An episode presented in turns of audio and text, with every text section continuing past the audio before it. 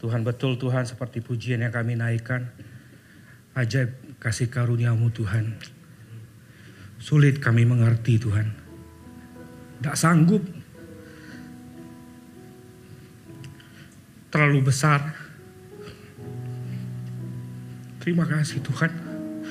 Kau bukan hanya Allah yang mati bagi kami. Tapi hari ini Tuhan kau adalah Allah yang hidup bagi kami. Itu memberikan kekuatan bagi kami Tuhan. Buat tidak ada yang bisa mengalahkan kami. Kami bersyukur Tuhan. Inilah pujian persembahan kami Tuhan. Biarlah Engkau yang disukakan. Biarlah ini boleh menjadi persembahan yang harum Tuhan. Pujian ini untuk Tuhan. Dan Tuhan terlalu baik. Kami bersyukur Tuhan. Sebentar kami akan membaca, merenungkan firman-Mu Tuhan.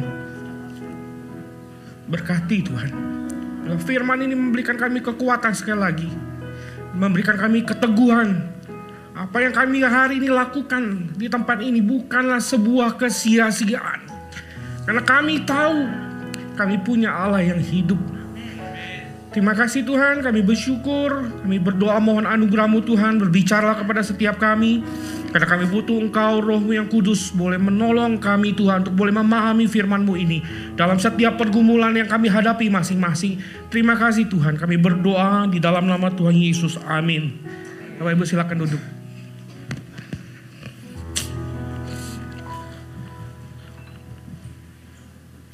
Shalom, selamat uh, pagi menjelang siang Bapak Ibu Saudara kasih Tuhan.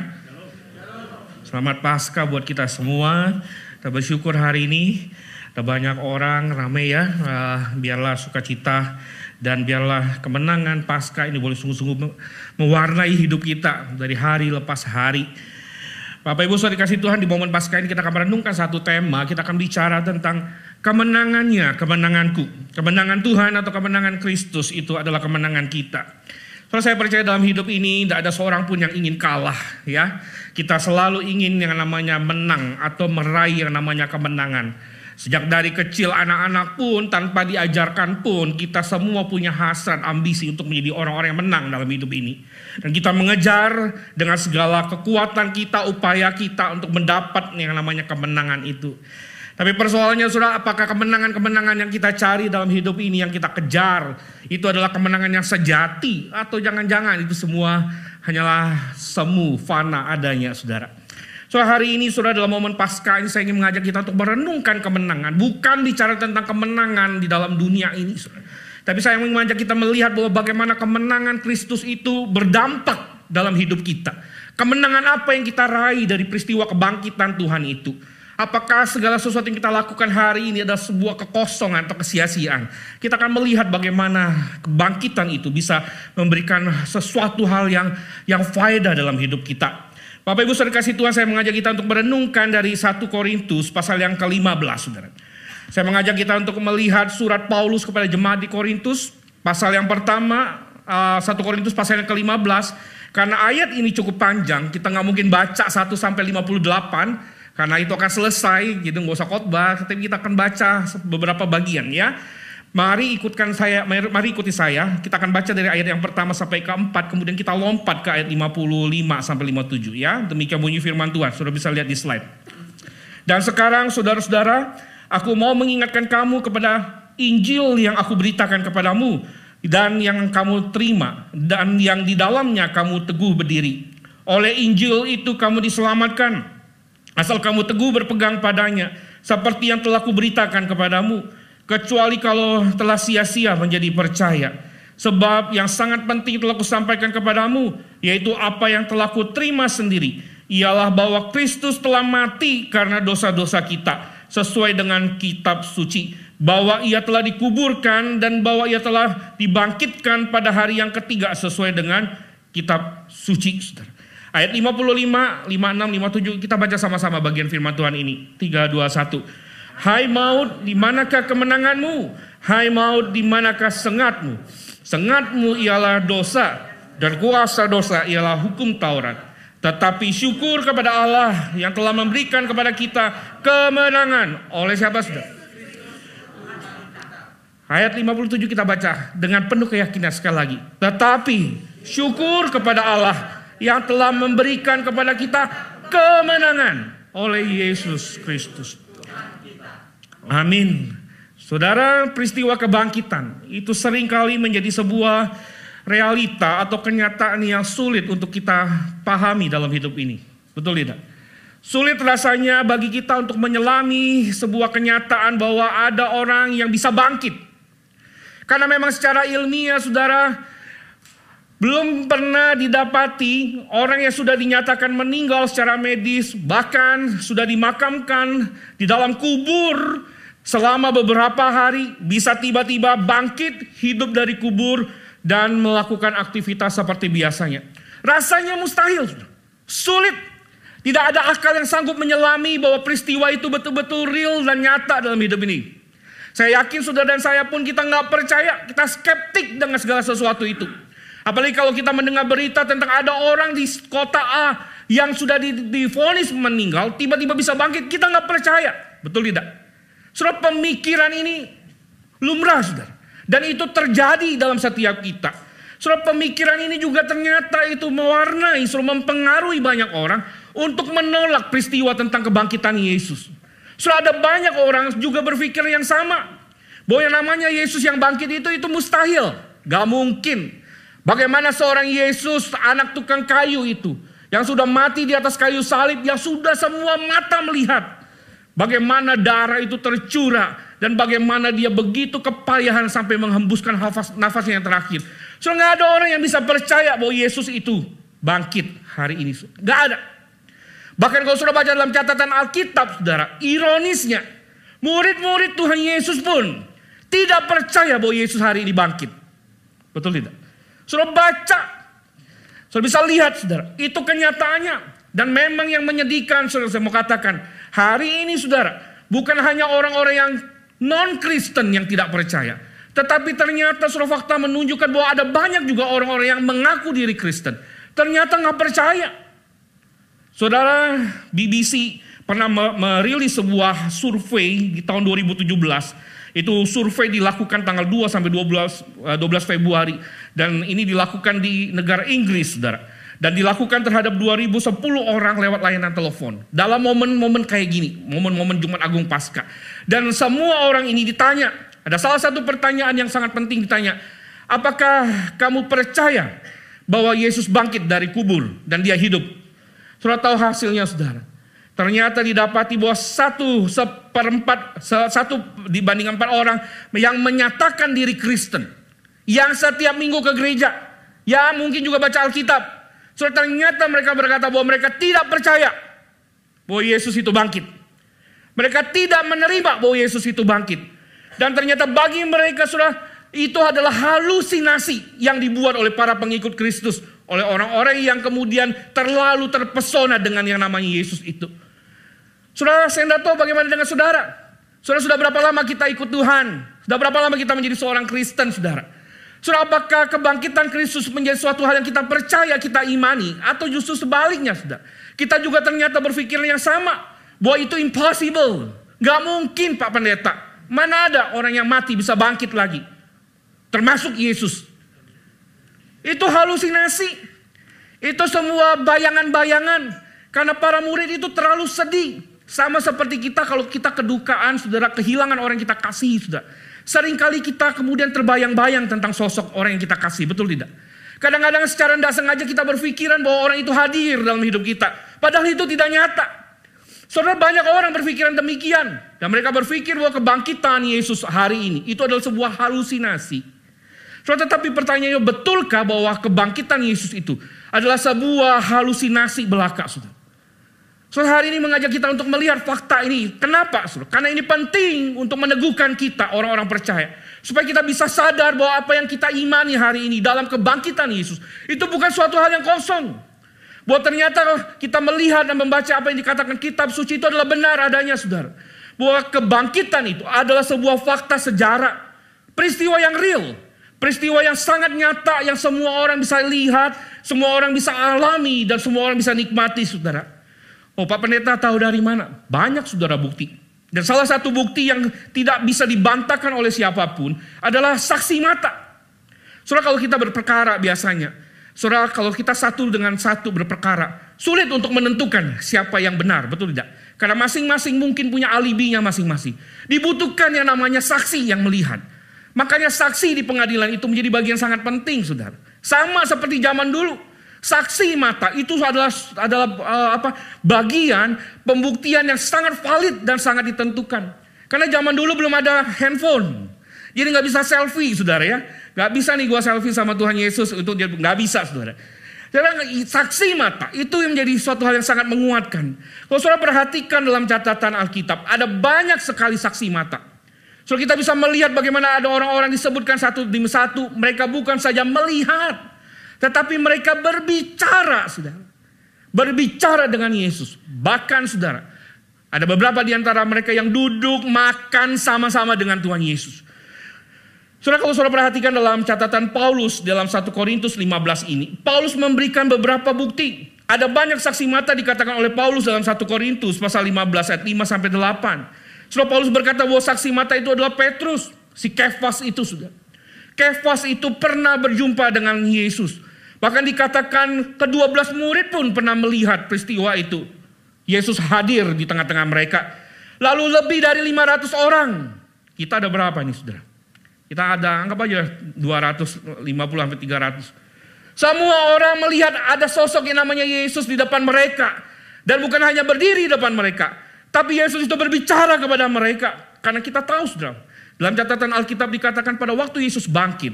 Yesus menampakkan diri berulang-ulang kali. Memberitakan kembali tentang kerajaan surga itu. Kerajaan Allah itu. Saudara lihat dikatakan bahwa bukan hanya 500 orang. Tapi menarik saudara pada waktu Paulus memberikan argumentasi kepada jemaat di Korintus. Yang sebagian mereka juga sama seperti kita mungkin. Yang hari ini orang tidak percaya tentang kebangkitan itu. Dia bilang kalau kamu nggak percaya Yesus bangkit. Ada 500 orang. Dan di antara mereka, sebagian mereka masih hidup. Kalau kamu mau cek, silakan cek. Kamu bisa cross check semuanya. Saudara, ini nyata. Dan bahkan dikatakan dia juga menampakkan diri kepada Yakobus, kepada semua rasul, dan juga kepada yang bernama Paulus, saudara. Saudara, kalau kita lihat saksi mata ini, ini hanyalah sebagian kecil yang Paulus tuliskan. Ini belum disebut lagi perempuan-perempuan yang kemudian datang ke kubur Tuhan Yesus dan yang melihat kubur yang kosong itu. Yang kemudian belum lagi berjumpa dengan malaikat Tuhan yang meneguhkan bahwa Yesus betul-betul bangkit. Saudara kalau kita melihat saksi mata yang begitu banyak saudara. Bagaimana mungkin orang bisa berkata dengan tuduhan bahwa kebangkitan itu adalah sebuah peristiwa halusinasi. Enggak mungkin. Suatu tuduhan bahwa itu adalah halusinasi. Itu jauh lebih aneh dan jauh lebih tidak masuk akal. Dibandingkan betul bahwa Yesus itu bangkit. Karena tahukah saudara bahwa yang namanya halusinasi Sudah halusinasi itu tidak pernah terjadi dalam konteks massal. Gak pernah. Soalnya namanya peristiwa halusinasi itu tidak pernah terjadi pada banyak orang dalam waktu yang bersamaan. Betul betul betul. Gak ada saudara. Yang namanya halusinasi itu sifatnya personal, individual. Satu orang pada satu waktu. Dan proses halusinasi itu unik. Gak mungkin sama satu orang dengan yang lain saudara. Saudara jadi kalau misalkan si A anggap aja saudara.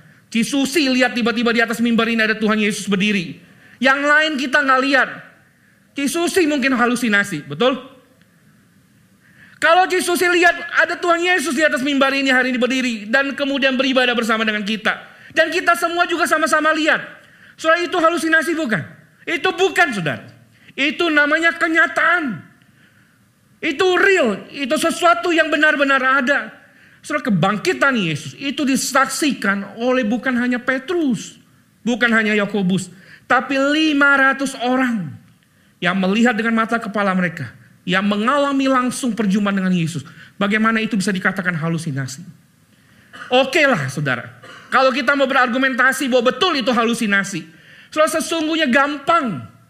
Kalau memang itu adalah perbuatan para murid yang merekayasa bahwa itu semua dan dikatakan halusinasi. Sebenarnya sudah bagi para imam kepala, bagi orang-orang Farisi dan ahli Taurat, bahkan tua-tua, soal mereka bukan orang yang bodoh, betul tidak?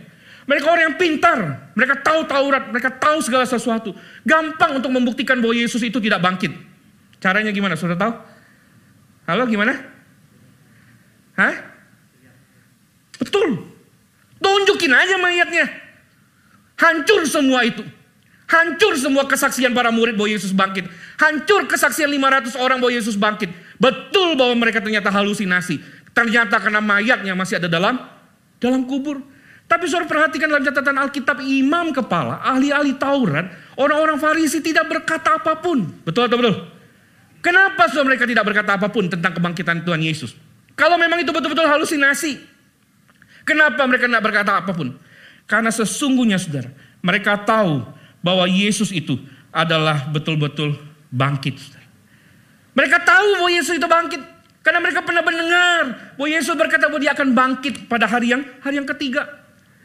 Saudara, seorang yang bernama Lee Patrick, Patrick Strobel, saudara. Dia adalah seorang mantan ateis. Seorang yang tidak percaya Tuhan sama sekali. Saudara. Dan dia adalah seorang juga mantan editor bagian hukum di sebuah majalah yang sangat terkenal. Dan dia adalah pemenang banyak tulisan-tulisan yang berharga, saudara. Dan dia juga membuat banyak buku-buku yang luar biasa. The Case for Christ, banyak banget, saudara. Saudara, di dalam pencariannya tentang pergumulan imannya, dia mau mencari tahu benar nggak sih iman Kristen itu? Benar nggak sih sebenarnya Yesus itu bangkit? Dia meyakini bahwa kebangkitan Yesus itu pun sama halusinasi. Lalu dia kemudian memutuskan untuk pergi kepada temannya seorang psikolog, saudara. Dan dia berkata begini, saudara bisa lihat di atas di slide. Saya menemui seorang teman psikolog dan saya mengatakan kepada dia bahwa 500 orang yang mengaku melihat Yesus setelah dia meninggal itu hanyalah halusinasi. Itu hanya halusinasi. Tetapi saudara menarik apa yang dikatakan oleh teman daripada Lee Strobel ini saudara. Saudara dia berkata apa saudara? Halusinasi itu adalah peristiwa individual. Jika 500 orang melihat halusinasi yang sama, maka maka itu adalah mukjizat yang lebih besar dari apa? Kebangkitan. Artinya bahwa nggak mungkin itu terjadi yang namanya halusinasi. Tapi kalaupun seandainya halusinasi itu betul-betul terjadi, maka itu adalah mukjizat yang jauh lebih besar yang harus kamu percaya. Kalau kamu harus percaya itu mukjizat terbesar, maka kamu harus percaya bahwa kebangkitan itu juga adalah yang pasti.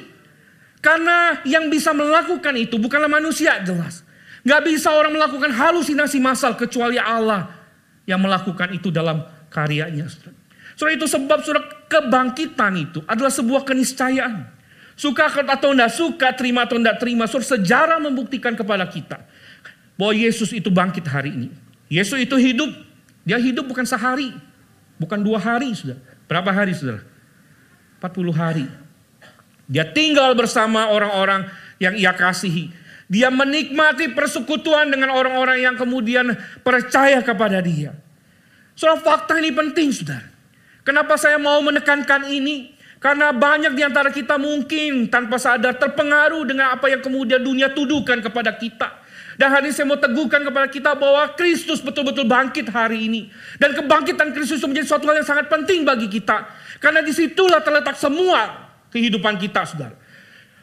Yesus yang bangkit itu menentukan bagaimana hidup saudara dan saya. Kalau Yesus nggak bangkit, nanti kita akan lihat bagaimana Paulus berkata, sia-sia semua. Nggak ada guna. Saudara setiap minggu datang ke gereja nggak ada guna kalau Yesus nggak bangkit. Saudara kemudian baca Alkitab, kalau Yesus tidak bangkit nggak ada guna, saudara. Itu sebabnya seorang berkata kalau Yesus tidak bangkit hari ini, maka mari kita pesta-pesta saja. Nggak ada guna. Saudara perlu datang ke gereja nggak perlu karena Yesus nggak bangkit. Tapi saudara kita bersyukur bahwa kemudian kita tahu hari ini Yesus itu bangkit. So fakta ini penting. Tapi fakta ini kemudian membawa kita masuk ke dalam pertanyaan yang jauh sebenarnya lebih dalam yang penting untuk kita pikirkan. Ngapain sih Yesus itu bangkit? Untuk apa Yesus itu bangkit? Bukankah kalau Yesus sudah mati sebenarnya Yesus bisa langsung ke surga saja? Tinggal nanti datang kedua kali jemput saja semua kita. Selesai. Tetapi kenapa Yesus perlu bangkit sudah? Kenapa Yesus harus harus kemudian melakukan sesuatu hal yang di luar akal manusia? Bahkan akhirnya kita dituduh-tuduh dengan banyak tuduhan yang tidak masuk akal. Saudara jawabannya sederhana. Saudara Paulus berkata dalam ayat yang kita baca. 1 Korintus 15 ayat 57. Apa saudara? Tetapi syukur kepada Allah yang telah memberikan apa? Kepada kita kemenangan. Saudara Yesus perlu bangkit. Dan Yesus harus bangkit. Supaya ada kemenangan. Yesus harus bangkit supaya kemenangan itu menjadi nyata. Supaya saudara dan saya bukanlah orang-orang yang kalah. Pertanyaannya saudara kemenangan apa yang Tuhan berikan kepada kita saudara? Ada dua yang ingin saya bagian yang hari ini. Saudara. Yang pertama, saudara ingat baik-baik. Kebangkit, kebangkitan Yesus memberikan kepada kita kemenangan yang namanya kemenangan iman. Apa saudara? Katakan sama-sama 3, 2, 1. Kemenangan iman. Kemenangan iman. Paulus berkata 1 Korintus 15 ayat 4. Tetapi andai kata Kristus tidak bangkit maka sia-sialah pemberitaan kami dan sia-sia jugalah kepercayaan kamu. Ayat 17 Paulus ulang kembali. Dan jika Kristus tidak dibangkitkan maka sia-sialah kepercayaan kamu. Imanmu sia-sia kata Paulus. Kenapa sia-sia sudah? Kenapa Paulus katakan kemudian kepercayaan kita, iman kita akhirnya menjadi sia-sia kalau Yesus nggak bangkit? Karena pada akhirnya saudara, Yesus tidak menjadi jauh lebih menarik dibandingkan tokoh-tokoh agama lain. Betul, betul, betul. Kalau Yesus tidak bangkit, Yesus tidak jauh berbeda dengan tokoh A, tokoh agama B. Karena semuanya sama-sama mati. Bahkan yang lebih memalukan adalah Yesus. Betul, betul, betul. Karena Yesus harus mati di atas kayu salib. Salib itu saudara. Itu adalah penghinaan yang paling hina. Tidak ada seorang manusia pun yang berharap mati di atas kayu salib. Kalaupun bisa mati, jangan mati di atas kayu salib. Kalaupun dihukum, jangan dihukum di atas kayu salib. Karena ketika seorang dihukum di kayu salib, saudara, maka seumur sampai selama-lamanya, dia ada orang yang paling terkutuk di dalam dunia ini. Kalau Yesus nggak bangkit, cuman mati, gak ada bedanya dengan tokoh agama yang lain. Gak ada beda. Dan yang lebih celaka, saudara, kalau Yesus nggak bangkit, maka betul lah apa orang-orang katakan tentang Yesus. Bahwa Yesus itu adalah pembohong dan pembual besar. Bahwa Yesus itu cuma tukang ngomong. Gak ada isi, gak ada bukti. Bahwa apa yang semua dia katakan itu gak pernah benar-benar terjadi. Dia cuma berucap. Berkali-kali dia berkata bahwa aku akan bangkit pada hari yang ketiga. Tetapi kalau Yesus tidak bangkit, itu artinya Yesus menyangkali perkataannya. Dan itu artinya Yesus adalah seorang pembohong besar yang pernah ada dalam dunia ini. Tapi kita bersyukur saudara, bahwa Yesus itu bukanlah seorang pembohong dan pembual besar. Amin saudara. Yesus itu bukanlah tukang ngomong. Yang tidak ada isi sama sekali. Bukan. Hari ini Yesus bangkit. Karena kebangkitan Yesus ini membuat kekristenan kita bukanlah sebuah dongeng. Atau cerita mitos yang tidak ada faedahnya sama sekali. Yesus bangkit. Karena Yesus bangkit membuat kita tidak menjadi orang yang paling bodoh dalam hidup ini. Dan karena Yesus bangkit, kita bukanlah orang-orang yang malang. Justru kita adalah orang-orang yang kemudian mendapatkan karunia yang luar biasa. Karena ternyata sudah tidak semua orang bisa menyelami kebenaran ini. Betul tidak? Sudah selalu banyak bukti-bukti pun. Kalau orang itu tidak kemudian terpilih, dia nggak akan bisa percaya. Terlalu banyak para apologetika berkata, apologet berkata bahwa bukti apa pun yang kita sampaikan. Kalau dia bukanlah orang-orang pilihan Tuhan, dia nggak akan bisa menikmati kasih karunia Tuhan. Dan dia akan tidak akan pernah bisa percaya kepada Tuhan. Tapi kita bersyukur kita adalah orang-orang yang terpilih yang mendapatkan kasih karunia Tuhan. Dan kita bersyukur bahwa hari ini kita melihat bahwa Yesus itu bukan hanya mati. Dan ternyata bahwa pada hari yang ketiga dia dikatakan dia bangkit dari dari kematian. Dia tinggalkan kuburannya dan kemudian dia menunjukkan dirinya. Surah kebangkitan Yesus bukan saja menegaskan kemenangan Yesus atas segala keraguan-raguan manusia. Tetapi kebangkitan Yesus yang mau katakan hari ini menegaskan kemenangan di dalam iman kita pada dia. Karena apa yang saudara saya imani di dalam Kristus Yesus hari ini, itu bukanlah sebuah kesia-siaan. Kita datang ke gereja, gak ada yang sia-sia. Karena saudara dan saya datang kepada Yesus. Saudara baca firman Tuhan, saudara gak pernah sia-sia. Karena saudara baca adalah perkataan Yesus. Yang semuanya itu saudara. Itu digenapi dengan begitu sempurna. Iman kita di dalam Kristus bukan iman yang kosong. Bukan iman yang mati. Iman kita bukanlah iman yang insya Allah, yang mudah-mudahan, yang semoga itu terjadi. Tidak, saudara. Iman kita, iman saudara dan saya adalah iman yang pasti. Tidak ada keraguan, tidak ada pertanyaan. Karena Kristus sudah menunjukkan dengan pasti dan sempurna. Ya bukan hanya mati, dia betul-betul bangkit. Tidak ada satu kata, tidak ada satu janji Tuhan yang terlewatkan. Saudara. Semua digenapi. Kalau saudara lihat peristiwa Jumat Agung kemarin, bagaimana nubuat di Yoel disempurnakan begitu luar biasa dalam peristiwa salib di Golgota. Dan hari ini sudah Tuhan sempurnakan sekali lagi kepada setiap kita. Itu sebab saudara melihat kebenaran ini saudara. Masihkah kita harus meragukan perkataan Tuhan? Masihkah harus kita meragukan janji Tuhan saudara? Masihkah kita harus mempertanyakan kasih Tuhan dan kesetiaan Tuhan sama kita? Kurang cukupkah semua yang sudah Tuhan tunjukkan kepada kita. Dari penderitaannya, disalib, dan hari ini dia bangkit. Masihkah kita harus bertanya, apakah Tuhan mengasihi kita atau tidak? So terlalu, saudara. Kalau kita masih mempertanyakan Tuhan, masih meragukan Tuhan, terlalu, saudara. Dan saya suka berkata begini, saudara. Saudara, apa yang Tuhan tunjukkan sama kita hari ini, saudara. Kemenangan iman kita hari ini, saudara. Itu luar biasa, saudara. Semua saya mau katakan hari ini, saudara. Jangan pernah tinggalkan imanmu. Jangan pernah tinggalkan Yesus yang sudah mati dan bangkit hari ini untuk kita. Jangan hanya karena kenikmatan dunia kau tinggalkan Tuhan. Dan kau pergi cari kenikmatan yang fana itu. Jangan saudara. Jangan hanya karena kau suka dengan seseorang. Nah banyak anak-anak muda di sini. Kau mencintai seseorang. Dan kau meninggal. Meninggalkan Tuhanmu. Kau jual Yesusmu. Untuk mendapatkan seseorang yang kau kasih itu. Bodoh. Terlalu bodoh saudara. Karena kita sudah mendapatkan iman yang benar. Iman yang sejati. Iman yang betul-betul mengatasi segalanya. Kristus itu adalah harta yang sangat berharga bagi kita, saudara. Karena itu saudara iman yang sudah menang hari ini. Jangan pernah kau jual. Jangan, saudara. Iman yang sudah dimenangkan oleh Kristus dalam hidup kita ini. Haruslah kita semakin teguh setia dan taat kepada Tuhan. Haruslah kita semakin mencintai Tuhan. Setelah saya tidak tahu kalau ada orang yang begitu tega menjual imannya, harus bagaimana lagi Tuhan membuktikan kasih kepada kita, kesetiaannya. Kalau sampai kita harus menjual Tuhan kita untuk sesuatu hal yang sia-sia. Soal kemenangan Kristus bukan hanya memberikan kebangkitan Kristus bukan hanya memberikan kita kemenangan atas iman, tapi yang kedua, saudara, kemenangan kebangkitan Kristus memberikan kita kemenangan di dalam apa? Pengharapan. Apa saudara? Peng pengharapan. Bukan hanya iman, tapi juga pengharapan saudara. Surah 1 Petrus pasal 1 ayat 3 berkata demikian. Terpujilah Allah Bapa Tuhan kita Yesus Kristus yang karena rahmatnya yang besar telah melahirkan kita kembali oleh kebangkitan Yesus Kristus dari antara orang mati kepada apa? Suatu hidup yang penuh pengharapan, saudara. Hope. Hidup yang penuh pengharapan. Pengharapan apa, saudara? Pengharapan bahwa kita akan menjadi orang kaya? Pengharapan bahwa kita kemudian nggak akan miskin. Pengharapan kalau kita nggak mungkin sakit. Pengharapan kalau kita menjadi anak raja semua happy-happy. Ya kayak doa anak saya, saudara selalu doanya Tuhan kita happy-happy. Apakah pengharapan seperti demikian? Saudara? Saudara tidak, saudara. Pengharapan Tuhan jauh melampaui apa yang kita pikirkan tentang kesehatan kita. Pengharapan di dalam Tuhan itu jauh melebihi sekedar masalah materi. Pengharapan di dalam Tuhan yang Tuhan janjikan kepada kita adalah keselamatan hidup kita. Kebangkitan Kristus, saudara, kemudian membuat kita tidak ada sesuatu kekuatan atau kuasa apa pun yang dapat memisahkan kita dari kasih Tuhan. Amin. Soal itu pengharapan kita. Pengharapan kita mau itu penderitaan, sakit penyakit, penindasan apa pun, termasuk saudara.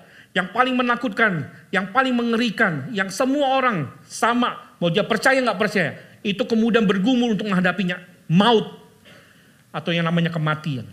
Maut atau kematian itu tidak bisa lagi menyentuh hidup kita. Menghancurkan hidup kita. Amin. Karena dia hidup, maut itu menjadi mati. Maut dikatakan tidak lagi punya sengat. Sengat maut yang adalah dosa itu tidak lagi menguasai kita. Tidak ada satupun yang bisa kemudian menghancurkan hidup kita. Tidak ada satupun kuasa daripada maut yang bisa membatalkan kasih karunia Tuhan kepada kita. Nggak ada. Itu sebab saya katakan surat kematian bukan suatu hal yang menjadi penakutkan dalam hidup kita. Amin. Gak ada saudara.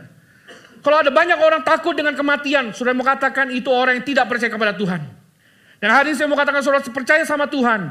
Saudara percaya beriman kepada Yesus. Maka saudara harus yakin bahwa kematian itu bukan hal yang menakutkan. Bilang kanan kiri, kematian bukan yang menakutkan. Saudara kenapa kematian bukan hal yang menakutkan? Karena pada akhirnya maut itu tidak punya sengat apa pun untuk hidup kita. Karena sengat maut dan maut itu sudah ditelan oleh Yesus. Kayu salib. Kasih tepuk tangan dong untuk Tuhan kita.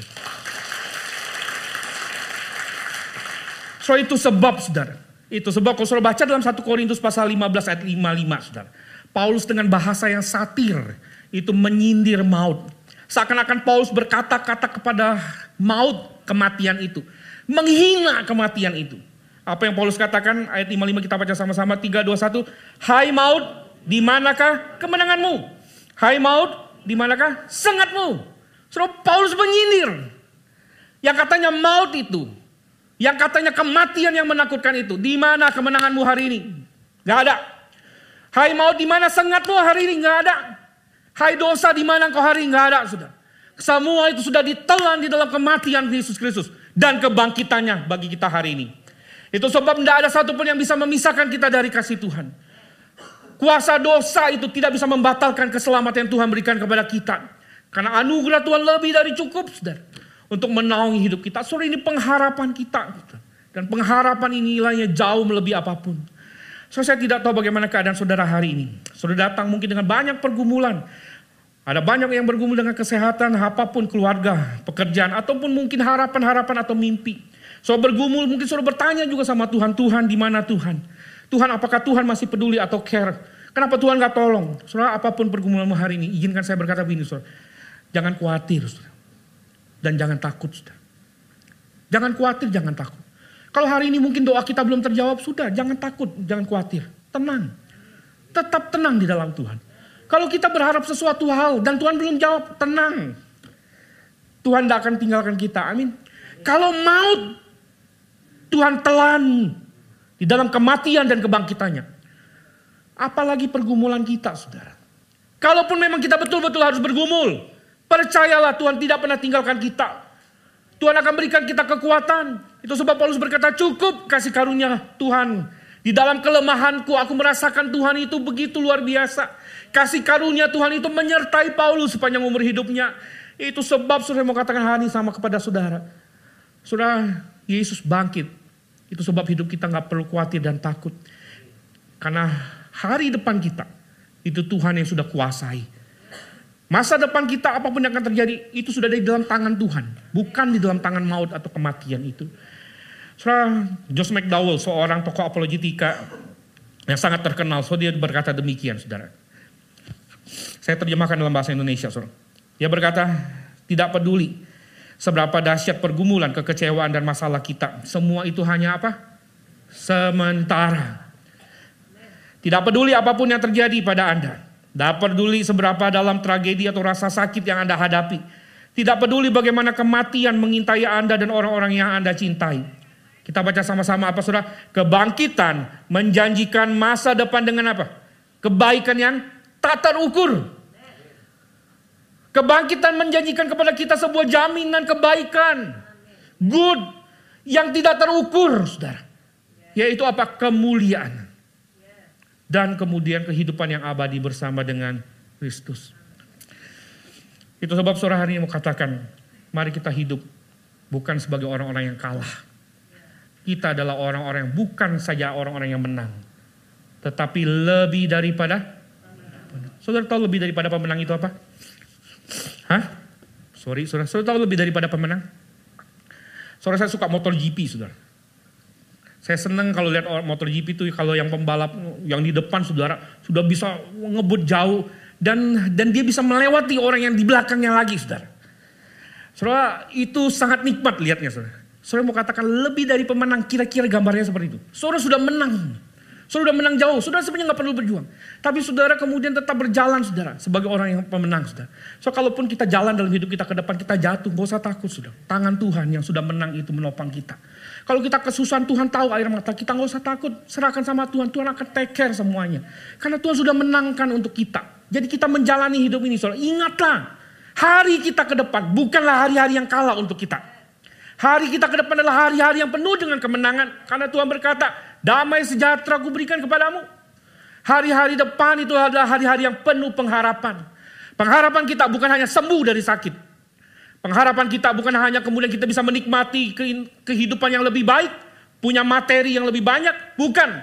Pengharapan kita suatu hari nanti kita akan mendapatkan kemuliaan daripada Tuhan dan kita akan bisa bersama dengan Tuhan dalam keabadian sampai selama-lamanya. Kita akan tinggalkan semua, kita akan dapatkan yang lebih sempurna, yang lebih baik itu Kristus Yesus.